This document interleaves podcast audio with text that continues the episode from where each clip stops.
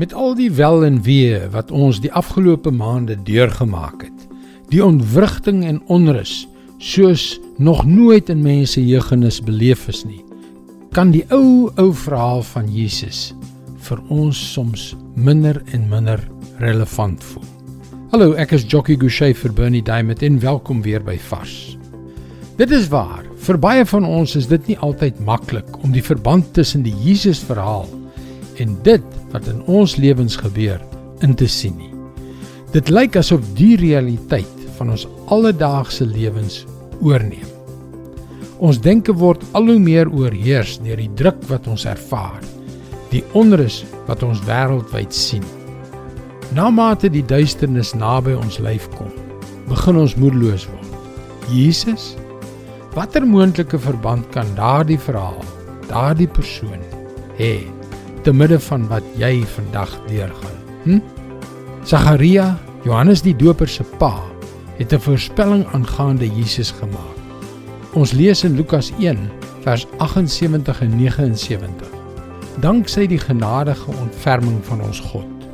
Soos die môre son sal hy opgaan en uit die hoogte op ons afstraal om lig te bring aan die wat in duisternis en in die skaduwee van die dood lewe om ons voetstappe te rig op die pad van vrede. Ja, daar was gedurende die afgelope maande 'n duisternis oor ons almal. En vir baie was die vrees vir die dood 'n werklikheid. En is dit nie verskriklik hoe die pandemie onrus oor die hele wêreld veroorsaak het nie? Dit behoort ons glad nie te verbaas nie. En in hierdie werklikheid, in ons werklikheid, spreek God sy liefdevolle genade oor ons uit. 'n genade wat diep uit sy groot en magtige hart kom. En in hierdie omstandighede wil God deur Jesus ons hoop gee.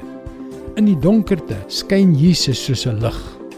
Te midde van die onrus lei Jesus ons na sy vrede. In jou duisternis, in jou vrees, in jou onrus is Jesus die antwoord. Jesus. Dis God se woord. Vars vir jou vandag. Die beste ding wat ons kan doen met alles wat rondom ons aangaan, met alles wat in ons harte aangaan, is om al hoe nader aan Jesus te kom, om sy vrede in ons harte te laat heers. En dit is juis daarom dat jy gerus na ons webwerf varsvandag.co.za kan gaan waar jy baie opbouende vars boodskappe sal kry.